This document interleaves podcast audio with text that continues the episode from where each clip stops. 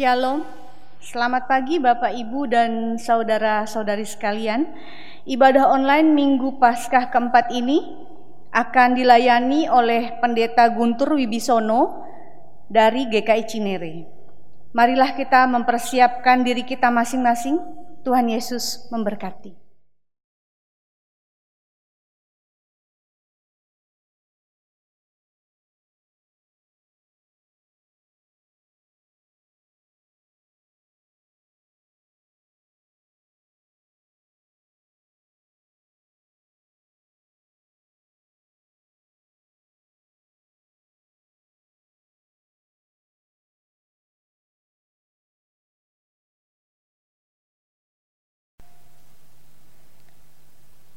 Saudara yang terkasih, kita adalah kawanan domba dan Yesuslah Sang Gembala yang telah mengumpulkan kita untuk beribadah pada hari ini, sekalipun kita tidak bertatap muka. Marilah puji Sang Gembala yang baik yang menyertai dan memelihara kita sampai pada saat ini. Nyanyian umat Kidung Jemaat 415 bait 1 dan 3 Gembala baik bersuling nan merdu.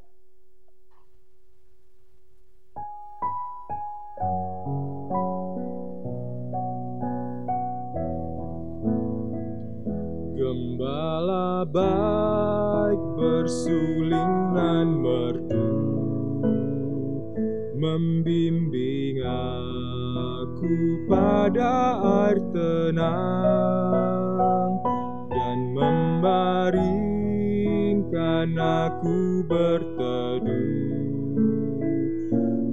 padang rumput hijau berkenan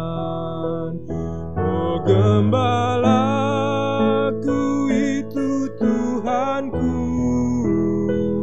Membuat aku tentram hening Mengalir dalam sungai kasihku. Kuasa damai celang bening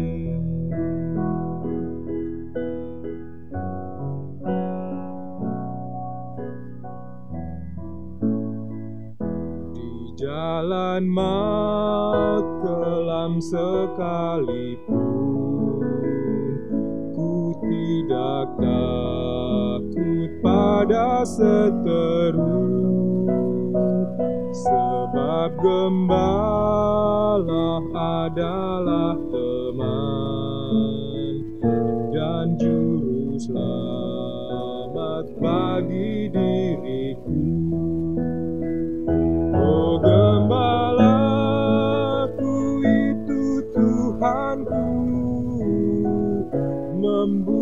membuat aku. Tentram hening mengalir dalam sungai kasihku. Kuasa damai cerlang bening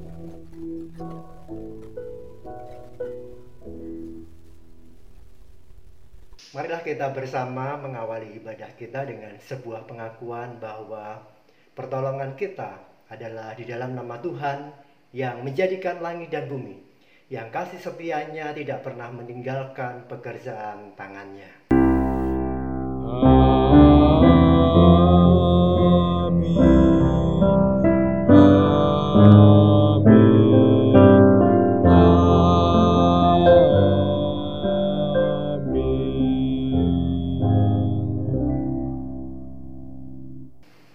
Kasih karunia dan damai sejahtera dari Allah Bapa kita dan dari Tuhan Yesus Kristus menyertai saudara sekalian.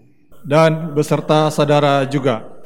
Pengakuan dosa, saudara yang terkasih, saat ini kita seperti terkungkung dalam malam gelap. Kita tidak tahu kapan situasi ini akan berakhir. Kita tidak tahu apakah kita akan dapat bertahan jika keadaan semakin sulit. Apakah kita mulai bosan dengan isolasi di rumah? Apakah kita bahkan tengah mempertanyakan di mana penyertaan dan pemeliharaan sang gembala bagi domba-dombanya? Apakah kita mulai kehilangan kepercayaan dan iman? Hari ini kita diingatkan kembali bahwa Sang Gembala tidak akan menggiring kita ke padang rumput dan sungai yang kering, tidak akan meninggalkan kita di mangsa binatang buas. Marilah kita tunduk menyesali dosa, mengakui kelemahan kita, dan meminta pertolongan Tuhan untuk membimbing kita melewati kesulitan ini. Jemaat saya persilahkan berdoa secara pribadi terlebih dahulu. Saya akan menutupnya dengan doa pengakuan dosa.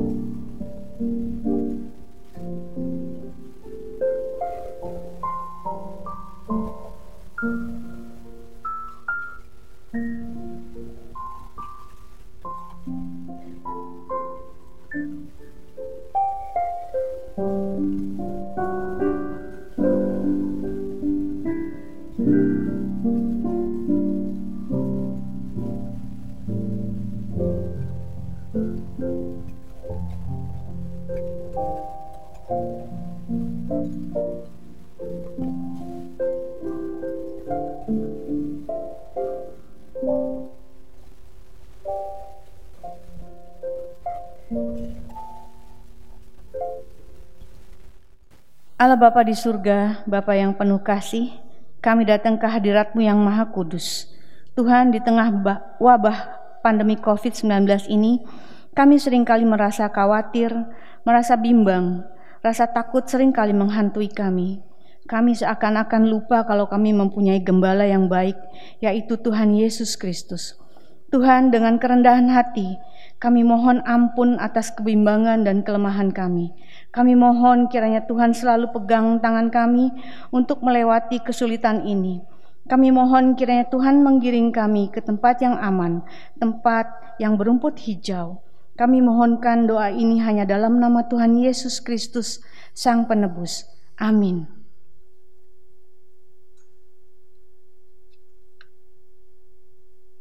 Untuk merespon pengakuan dosa kita, kita akan menyanyikan lagu dari NKB 10 bait 1 dan 2 dari Kungkungan Malam Gelap.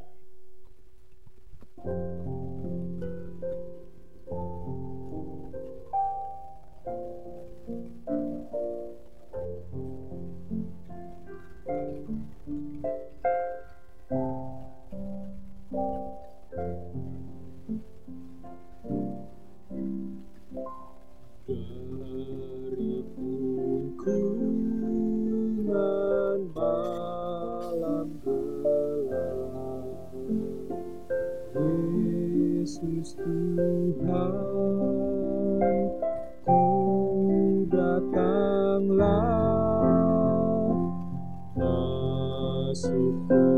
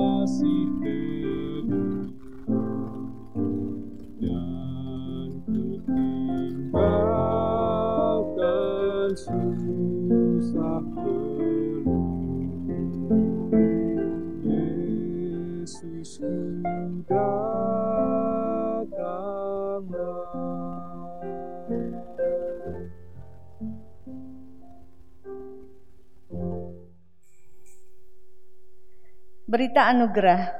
Janji Tuhan terhadap situasi kita saat ini dinyatakan dalam firman-Nya dalam Yehezkiel 34 ayat 14 sampai 15. Di padang rumput yang baik akan kugembalakan mereka dan di atas gunung-gunung Israel yang tinggi di situlah tempat penggembalaannya. Di sana, di tempat penggembalaan yang baik, mereka akan berbaring dan rumput yang subur menjadi makanannya di atas gunung-gunung Israel.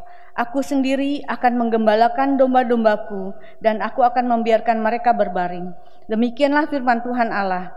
Demikianlah berita anugerah dari Tuhan. Syukur kepada Allah.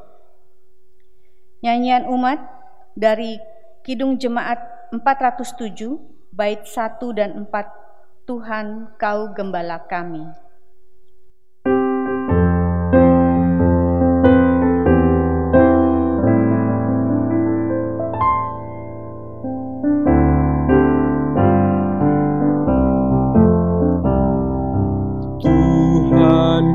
Gembala kami Tuntun kami dombamu.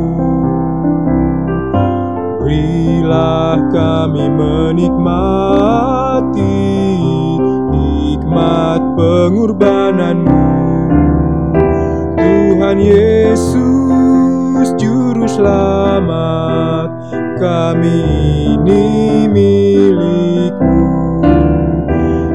Tuhan Yesus Juru Selamat. Kami ini milikmu.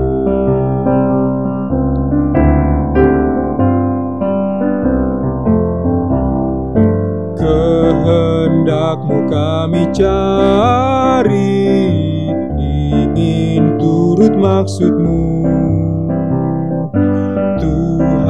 Isi hati kami dengan kasih-Mu penuh. Tuhan Yesus Juru Selamat, tak terhingga kasih-Mu.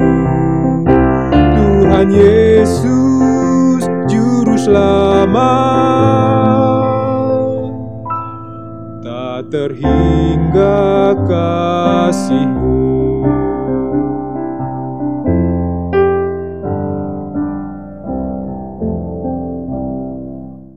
Saudaraku mari kita bersama persiapkan hati dan jiwa kita untuk mendengarkan sabda Tuhan.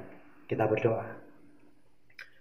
Ya Allah Roh Kudus, kami telah siap sedia untuk menyantap firman-Mu.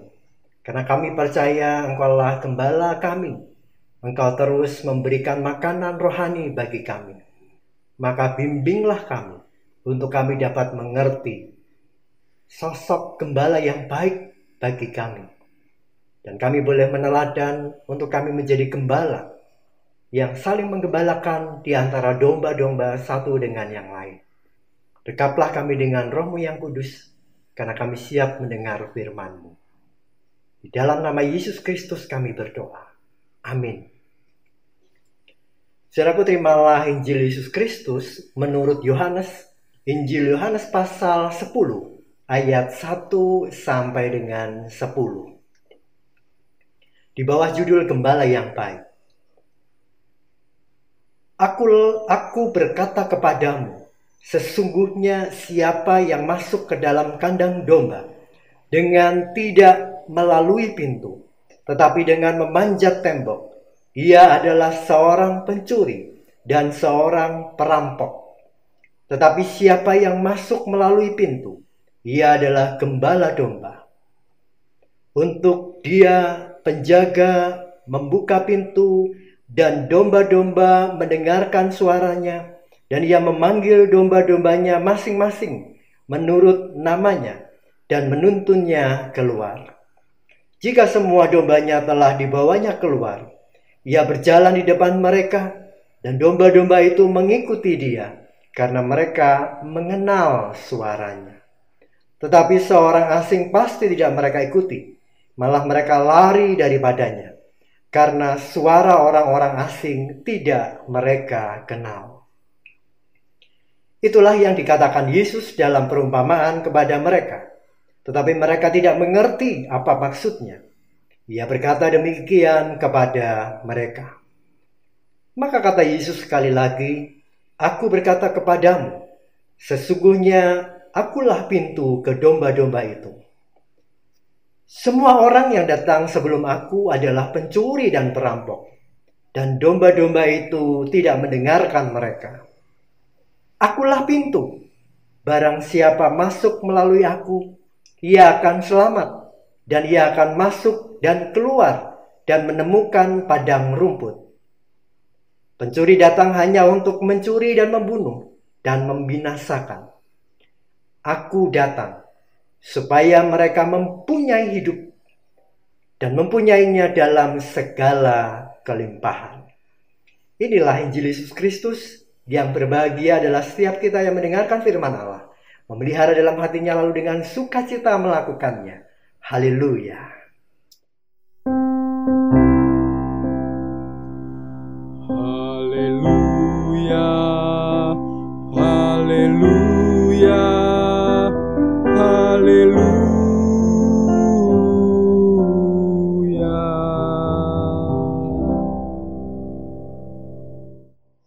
Shalom, saudara. Dalam sebuah tema gembala yang baik. Kalau kita ditanya siapa gembala itu? Tuhan Yesus? Betul. Para pendeta? Penatua? Ya. Karena mereka memimpin. Nah kalau domba siapa saudara? Kita. Betul? Iya. Tapi jangan lupa bahwa Yesus adalah sang anak domba Allah yang mempersembahkan diri. Mempersembahkan hidupnya bagi kita. Jangan lupa bahwa tema kita berada dalam masa raya Paskah. Yesus sang gembala, Yesus juga sang anak domba Allah. Ini mengajarkan kepada kita bagaimana kita akan menelusuri Injil dalam konteks gembala yang baik. Mari kita lihat dalam kacamata pemimpin. Kalau saya ditanya, pemimpin yang sering kita jumpai itu yang bagaimana? Galak, otoriter, bosi, suka main bos. Atau ada juga yang pengertian. Nah, tetapi jangan lupa kalau sudah pengertian, jangan sampai kebablasan. Tentu pemimpin yang pengertian, yang empati itu yang kita harapkan. Nah, dalam rangka sebagai seorang pemimpin inilah, lalu Tuhan Yesus menunjukkan gambaran tentang gembala dan pintu. Mari kita perhatikan di dalam Injil. Yang pertama tentang gembala, saudara. Kita tahu bahwa gembala itu bukan tuan, bukan pemilik. Mereka harus tinggal di padang gurun. Kalau di Palestina di dataran tinggi bersama para domba dalam waktu yang cukup lama. Jadi saudara bisa bayangkan kalau berdekatan dengan mereka baunya seperti apa gitu ya. Tetapi yang menarik bahwa para gembala ini punya kedekatan dengan para domba-domba ini. Ingat bahwa domba di sana dipelihara bukan untuk buru-buru disembelih. Domba di sana dipelihara lebih pada diambil bulunya. Ada kedekatan yang luar biasa. Yang pertama, gembala memberikan nama domba-dombanya. Gembala hafal satu persatu domba-dombanya. Dan sebaliknya yang menarik saudara bahwa gembala ketika memberikan nama pada dombanya, tetapi juga domba mengenal betul suara gembalanya. Itu berarti ada gembala yang baik, juga ada domba yang baik pula. Oke. Nah, walaupun mereka secara status sosial adalah orang-orang yang termarginalkan, orang-orang yang dianggap pinggiran, tetapi filosofi gembala dan domba ini sungguh mengakar di budaya orang-orang Yahudi. Kalau saudara ingat tentang kisah Daud, Mazmur 23 adalah bacaan yang paralel dengan Injil kita hari ini. Itulah sosok gembala yang punya ikatan kuat dengan para domba. Nah, maka ketika Yesus menggambarkan bahwa dirinya adalah gembala. Berarti dia hendak menunjukkan bahwa seorang pemimpin juga pelayan seharusnya mengenal satu persatu mereka.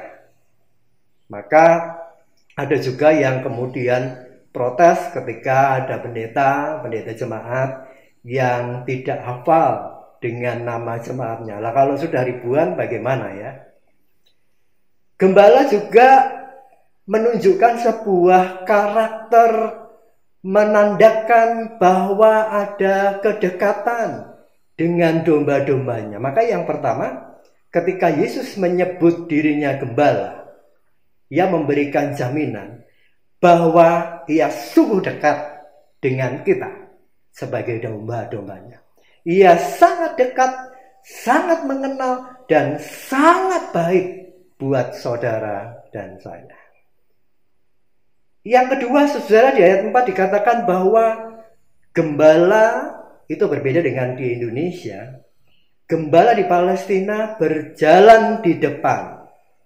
Nah, menarik itu artinya ketika seorang di depan, dia menjadi leader. Ketika Mazmur mengatakan bahwa semua domba dihantar di rumput hijau, di air yang segar. Jangan lupa, yang di depan itu leader bukan driver. Hargai martabatnya, hormati martabatnya. Tidak sekadar menghantar sampai ke tujuan yang baik, ke padang rumput segar, ke air yang tenang, tetapi dia pemimpin. Nah, pemimpin yang bagaimanakah yang digambarkan oleh Yesus ketika Yesus menggambarkan pemimpin gembala? Yang pertama, dia tahu tujuan yang terbaik bagi kita. Yang kedua, sebagai gembala, sebagai leader dia berani mati. Dia akan berjalan lebih dulu ke depan, memastikan bahwa jalur yang kita lewati itu pasti aman. Dan bukan hanya itu, dia memastikan jalur aman, lalu dia menengok ke belakang dan memanggil domba-dombanya supaya jangan sampai ada yang belok, jangan sampai ada yang tersesat. Masalahnya, adakah domba memiliki pendengaran yang baik? Mau artinya taat atau ngeyel atau semaunya sendiri. Hati-hati, jangan sampai kita menjadi domba yang tersesat. Secara menarik bahwa Yesus sebagai gembala dikatakan oleh Injil dia bertanggung jawab dalam kehidupan, dalam keselamatan domba-dombanya. Nah, boleh cerita sedikit saudara, ketika saya lulus teologi ya dulu belum ada penempatan kader seperti sekarang, tetapi jemaat itu yang cari pendetanya begitu ya. Nah, pendeta senior, dosen saya merekomen jemaat Banjarnegara untuk saya berpelayanan di sana. Lalu saya berdoa dan bergumul dan bertanya sama Tuhan. Karena ada tiga jemaat yang memanggil saya, salah satunya di Jakarta. Ngeri Tuhan kalau di Banjarnegara. Treknya itu tebing-tebing, jurang-jurang kan Dieng itu 70% punya Banjarnegara. Sudah bisa bayangkan ladang pelayanan saya di Banjarnegara seperti apa. Ngeri kalau saya harus nyoper hati-hati dan setiap waktu bayang-bayang maut ada di sana. Apalagi dulu saya pernah luput dari kecelakaan maut bus Surabaya Jogja. Dulu juga pernah mobil munter nyaris masuk gorong-gorong tapi luar biasa karena kemurahan Tuhan. Saya sampai hari ini tetap ada dan melayani. Nah, saudara apa yang terjadi? Nyatanya sebelum ke Cinere 17 tahun saya di Banjarnegara. Kenapa? Karena Tuhan memastikan bahwa jalur saya aman. Dan Tuhan memastikan jalur kita sebagai domba-dombanya aman. Itu yang pertama. Maka yang kedua, saudara, Tuhan Yesus juga memberikan gambaran akulah pintu. Mari kita cari tahu pintu yang bagaimana itu. Nah, saudara di Palestina, domba-domba itu kalau malam akan dikumpulkan di satu kandang. Lalu kandang itu tidak berpagar tinggi, tidak ada CCTV, tidak ada kawat berduri, Tetapi yang berjaga di sana hanyalah sang gembala di pintu itu. Sudah dingin dan dia harus berada di satu pintu. Tidak ada pintu lain kecuali satu pintu di mana di situ tempat keluar masuknya domba-domba. Di pintu itulah dia berjaga, dia bersiap ketika malam hari. Bagaimana dia tidur, kita tidak tahu. Tetapi dia selalu berjaga dan selalu bersiap kalau-kalau ada singa, ada serigala yang coba mau memangsa dombanya. Kita tahu bahwa gambaran pintu ini juga merupakan gambaran bagi Yesus. Barang siapa memasuki pintu, yaitu Yesus, dijamin aman. Nah masalahnya ada dua. Satu belum masuk, satu sudah masuk tetapi sembrono. Kelemahan domba-domba adalah kadang-kadang dia tidak tahu apa yang dia lakukan itu membahayakan. Ini yang kita mesti pelajari. Satu-satunya cara supaya kita aman itu berarti kita harus terus berada di kandang itu.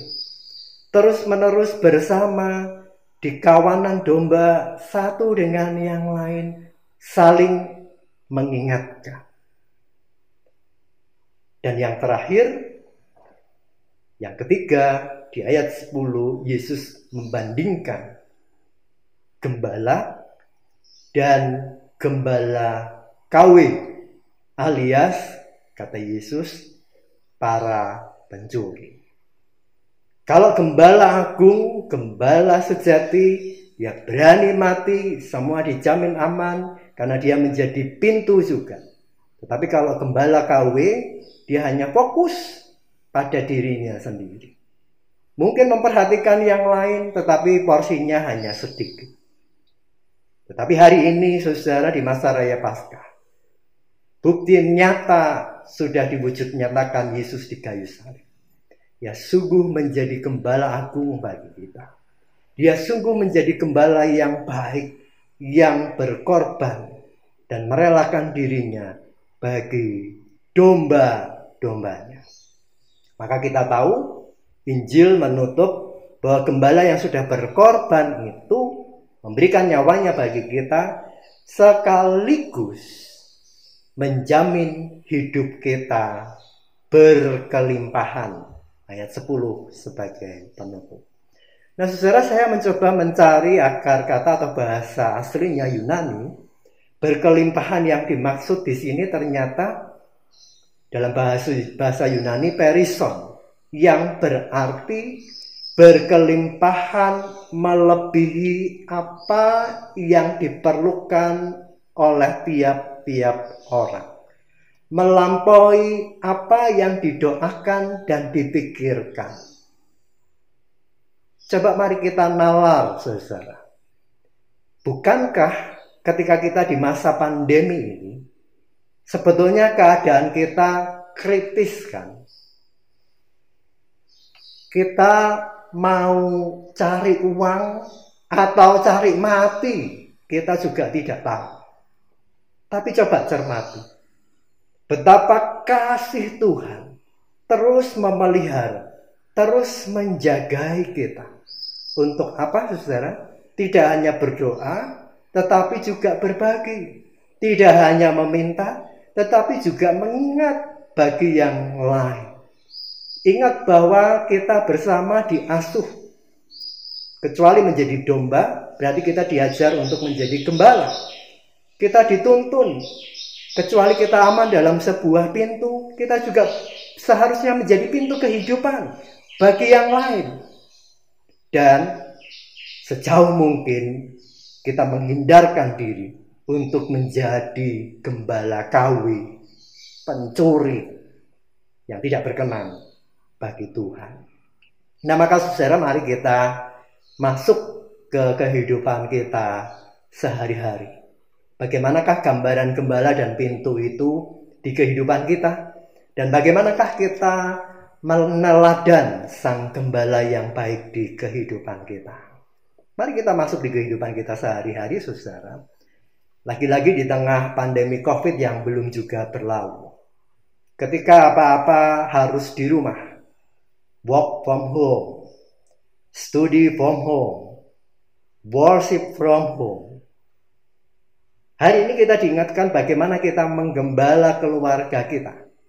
Ya kan kita mestinya juga sebagai pemimpin. Bagaimana kita menggembala?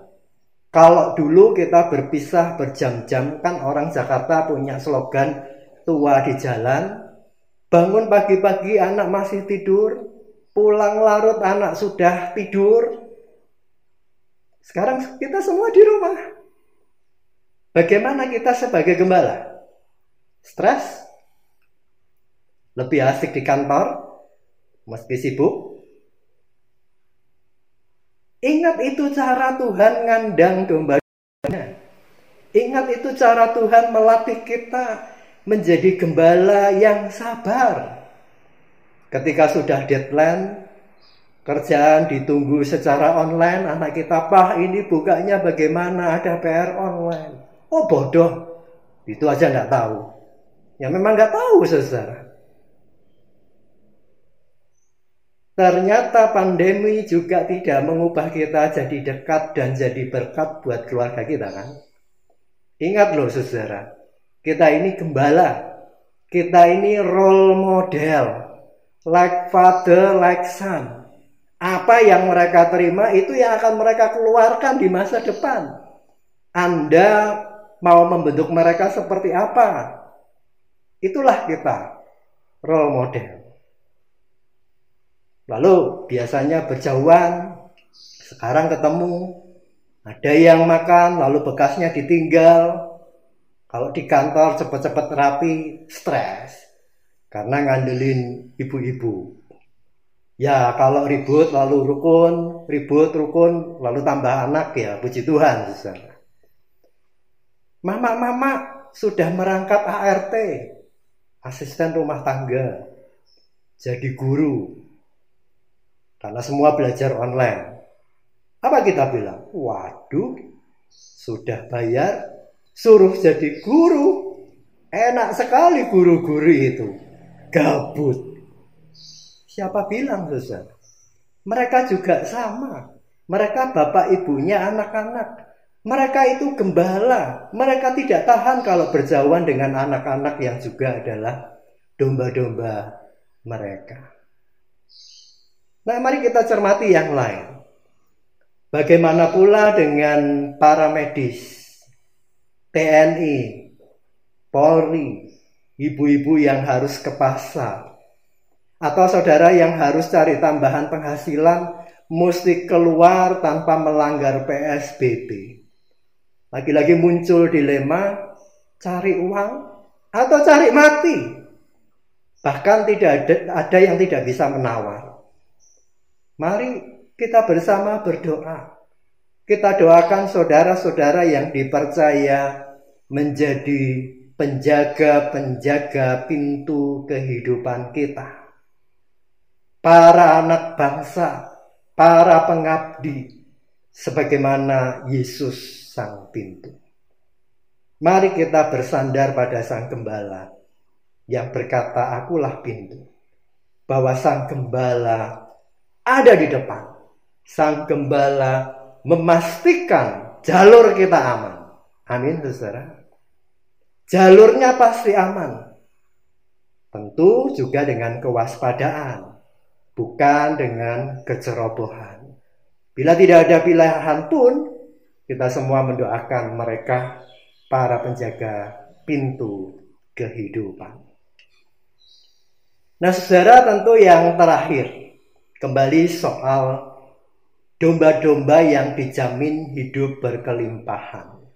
Kata yang digunakan adalah perison. Tuhan Sang Gembala menjamin kita berkelimpahan meski dalam lembah kekelaman. Tuhan menjaga kita berkelimpahan meski dalam bayang-bayang maut. Tuhan menjaga kita berkelimpahan. Ia tetap menyajikan hidangan di hadapan lawan. Siapa lawan kita? Pandemi mungkin. Ingat bahwa kelimpahan yang dimaksud adalah kelimpahan yang jauh melampaui segala akal. Oleh karena itu mari kita proaktif dan juga peka. Proaktif, jangan segan-segan minta tolong dan teruslah menolong. So firman Tuhan katakan jemu-jemu berbuat baik. Oke. Nah, saudara ingat Tuhan jamin kita. Perison. Tuhan menjamin hidup yang berkelimpahan. Maka tentu dalam perison, hidup yang berkelimpahan melampaui segala akal dan pikiran kita, mengingatkan kepada saudara dan saya tentang distansi. Lagi-lagi tentang distansi. Ingat, bahwa distansi itu bukan alienasi. Distansi itu bukan lalu mengasingkan orang lain dan mengasingkan diri kita. Dalam distansi kita diingatkan bukan alienasi. Oleh sebab itu, mari kita berbagi nasi. Ini penting. Dalam persekutuan, kita diingatkan kita ada di dalam kandang Tuhan. Mari kita berbagi, entah itu doa ataupun materi atau apa pun. Nah, saya akan menutup khotbah kita untuk mengajak kita merenungkan kembali tentang dal. Mazmur 23 yang paralel dengan bacaan Injil kita hari ini. Saya ingat kisah Daud dan Goliat. Daud berprofesi sebagai apa, saudara? Ya, sebagai gembala. Daud kecil, Goliat besar. Tetapi ingat bahwa Daud sang gembala telah terlatih mengalahkan singa-singa serigala dan binatang buas apa pun dan sampai pada akhirnya dia mampu menumbangkan Goliat. Betul? Maka demikian kita bahwa sang gembala biasa hidup di padang gurun, di pegunungan yang dingin. Sang gembala hari ini tengah mentraining kita untuk fight, untuk tangguh di segala medan, di segala keadaan. Maka mari kita bersama-sama berjuang menumbangkan Goliat-Goliat COVID yang tidak kalah mengerikan kan. Yang invisible karena tidak terlihat, yang untouchable karena kita tidak bisa memegang dan tetapi cukup mengerikan. Mari kita berjuang bergandeng tangan. Asalkan kita terus mendengar panggilannya, asalkan kita terus bernaung dalam pintunya, asalkan kita terus hidup bergandeng tangan berbagi karena dia terus memberikan kelimpahan yang jauh melampaui segala akal. Kita percaya bahwa setiap kita pasti survive sampai pandemi ini berlalu. Amin. Tuhan Yesus memberkati kita. Mari kita mengambil saat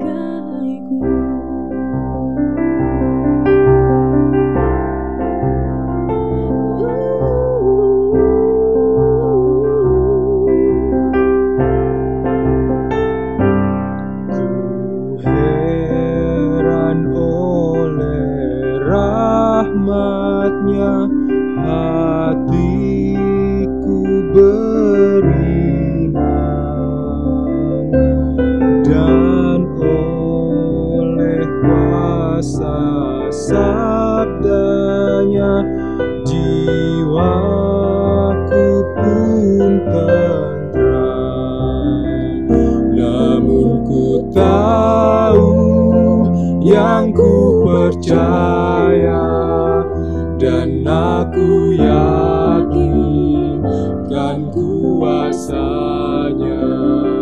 Ia menjaga yang ku taruh.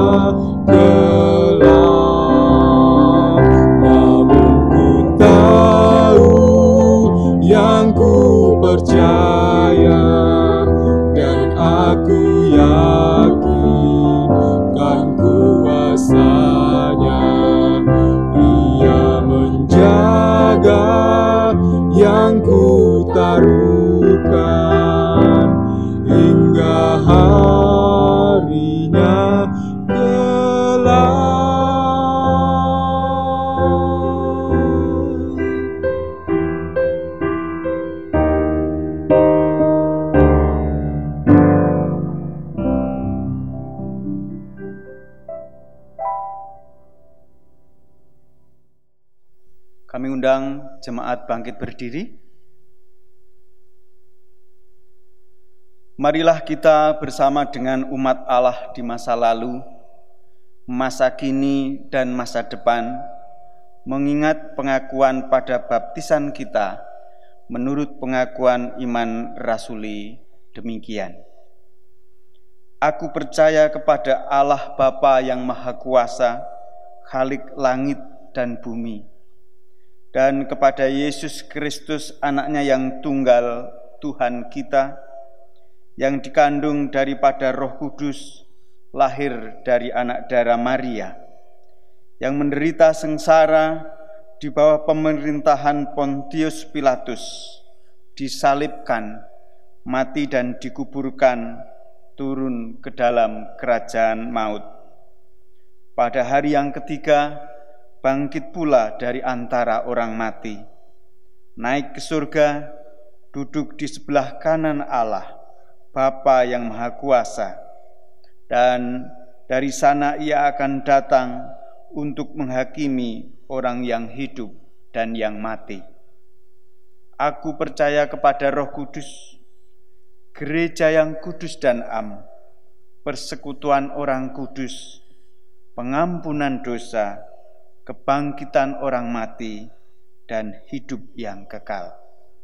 Amin. Silahkan duduk kembali. Mari bersama-sama kita berdoa. Bapa kami yang di surga, kembali kami menghadap Engkau Tuhan dengan ungkapan syukur. Engkau telah memberkati kami dengan sekretariat yang telah kami bangun. Tuhan memberkati dan telah kami pakai untuk beribadah. Kami juga berdoa untuk sekolah, kiranya Tuhan memberkati sehingga sekolah yang kami pakai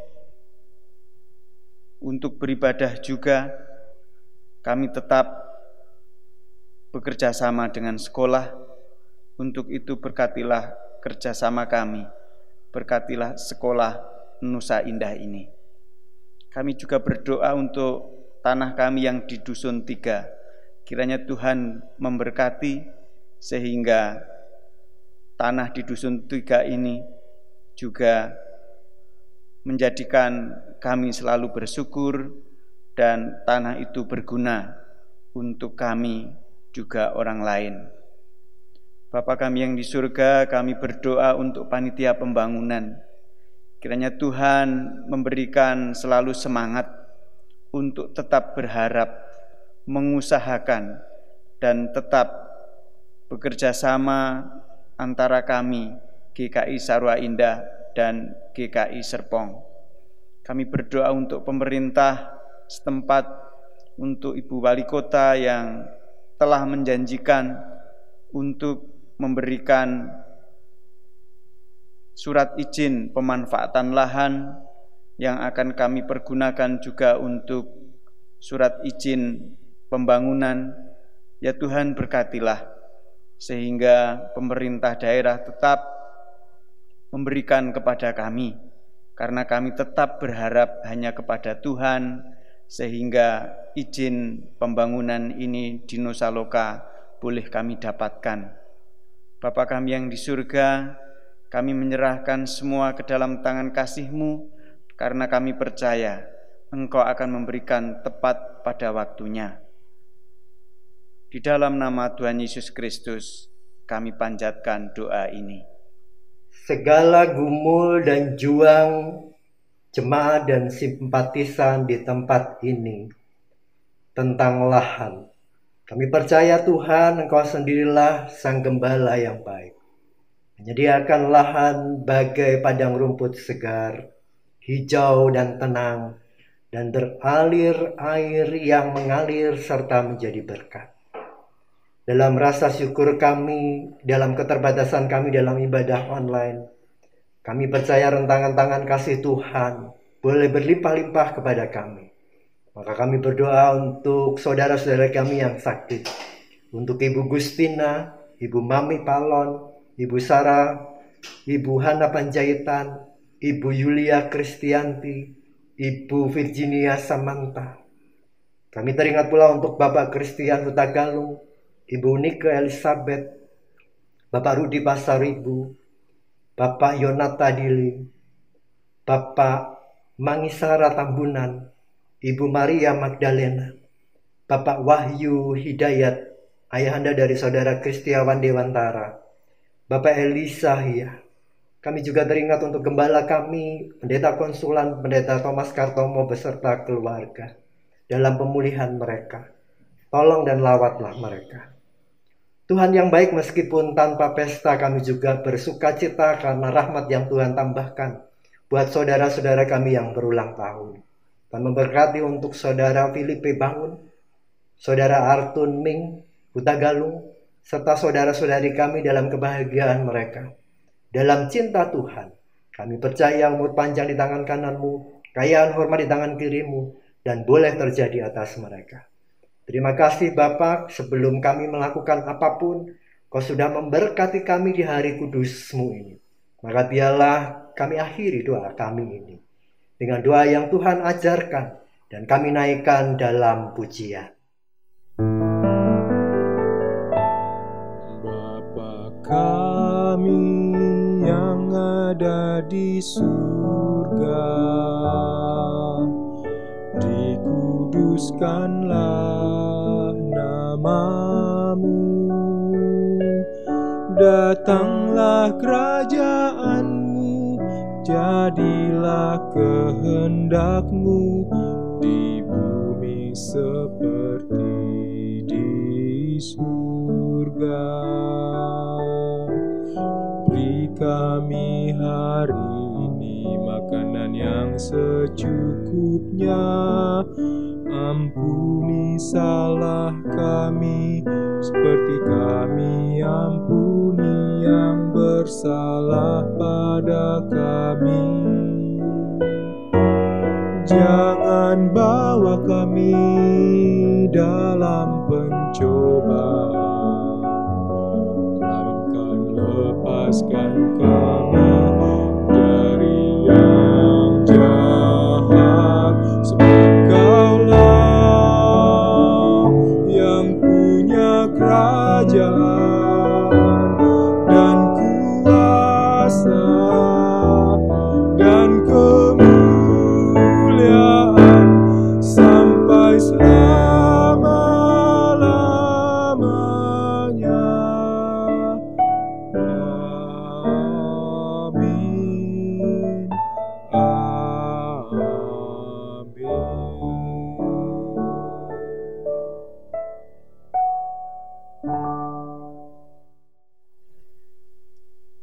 Bapak, Ibu, dan saudara-saudara yang dikasih Tuhan, kita sampai pada liturgi persembahan. Dengan penuh syukur, marilah bersama-sama kita membawa persembahan kita, seraya mengingat firman Tuhan dalam Mazmur 141 ayat yang kedua. Biarlah doaku adalah bagimu seperti persembahan ukupan, dan tanganku yang terangkat seperti persembahan kurban pada waktu petang. Bersama dengan persembahan ini kita akan memuji Tuhan dengan Kidung Jemaat 291 bait pertama 3 dan 4 Mari bersyukur semua.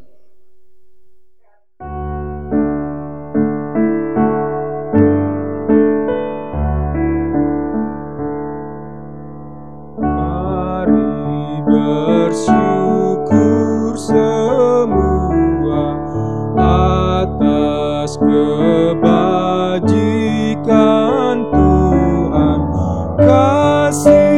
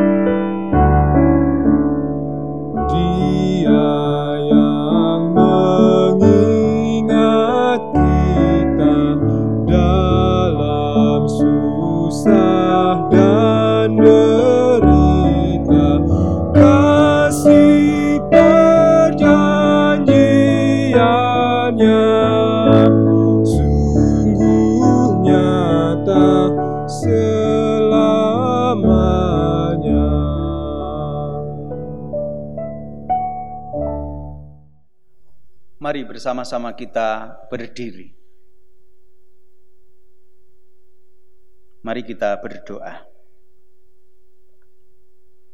Bapa kami yang di surga, Tuhan Yesus Gembala yang baik, terima kasih atas berkat kecukupan yang telah kami terima. Makanan dan minuman yang membuat kami sehat. Bapa kami yang di surga, saat ini kami menghaturkan persembahan yang semuanya ini berasal dari Tuhan.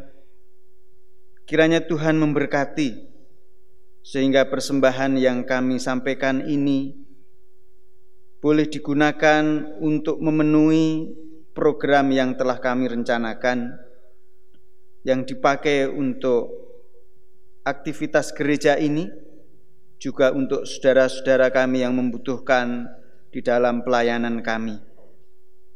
Untuk itu berkatilah kami ya Tuhan, majelis jemaat, komisi, bidang, panitia, kiranya Tuhan memberkati sehingga kami dapat mengelola persembahan ini dengan baik seturut dengan kehendak Tuhan. Untuk itu kami menyerahkan pengelolaannya dan hidup kami sepenuhnya hari lepas hari ke dalam tangan kuasa Tuhan, ya gembala yang baik. Dalam nama Tuhan Yesus Kristus, kami panjatkan doa ini. Amin.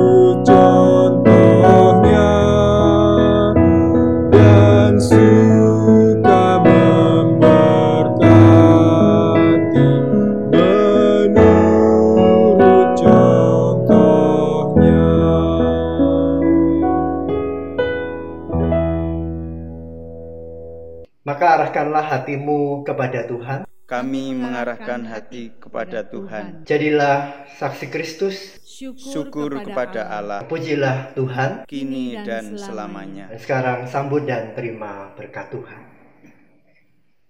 Tuhan memberkati engkau dan melindungi engkau. Tuhan menyinari engkau dengan wajahnya dan memberi engkau kasih karunia. Tuhan menghadapkan wajahnya kepadamu dan memberi engkau damai dan sejahtera. Amin.